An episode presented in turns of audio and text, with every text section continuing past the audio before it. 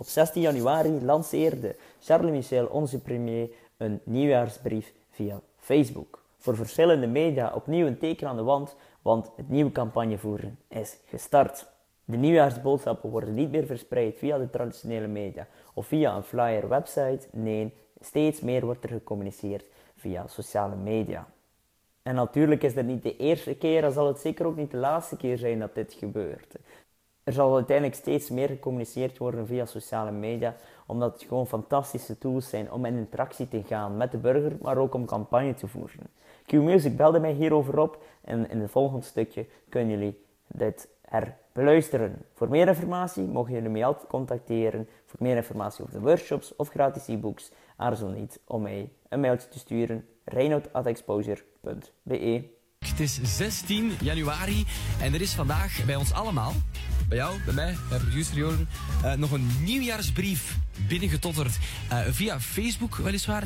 Namelijk die van uh, onze eerste minister, die van Charles Michel, heeft een nieuwjaarsbrief geschreven. Dat is opvallend. Geen persbericht, geen toespraak, geen interview, geen post op een website, weet ik veel. Nee, een brief op, op Facebook. Is dit de toekomst? Ik heb even iemand aan de lijn gehaald, namelijk uh, Reinoud van Zandijken. En dat is iemand gespecialiseerd in communicatie, social media en politiek. En zeker als die met elkaar beginnen te mengen. Uh, Reinoud, goedenavond.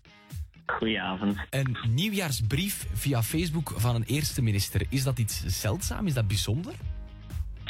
Um, nee, eigenlijk niet. En, um, ik weet nog, Mark Rutte, Nederlandse premier, heeft het in 2017, dus vorig jaar, ook gedaan.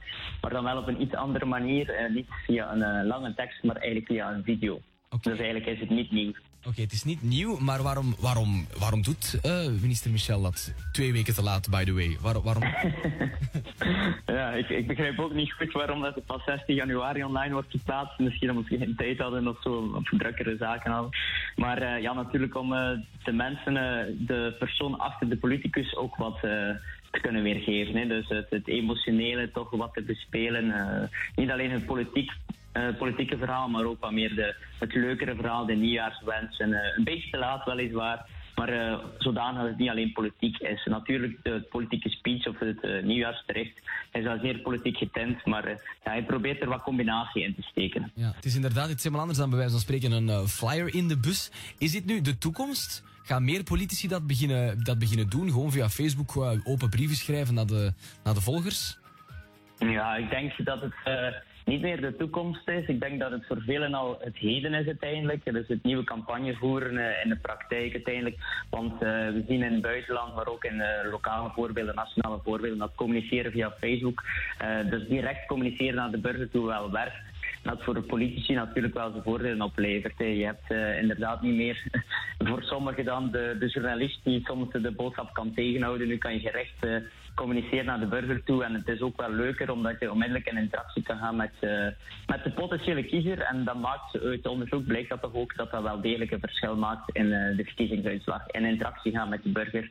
Niet altijd de politieke uitspelen, maar soms ook inderdaad via een nieuwjaarsboodschap te werk gaan. Oké, okay, goed. Zeg Reinoud, um, stel nu dat jij um, werd ingeschakeld voor de social media van Charles Michel. Want het is uiteraard wat jij doet. Zou, je, zou jij dit exact hetzelfde gedaan hebben of zou je hier en daar toch iets veranderd hebben?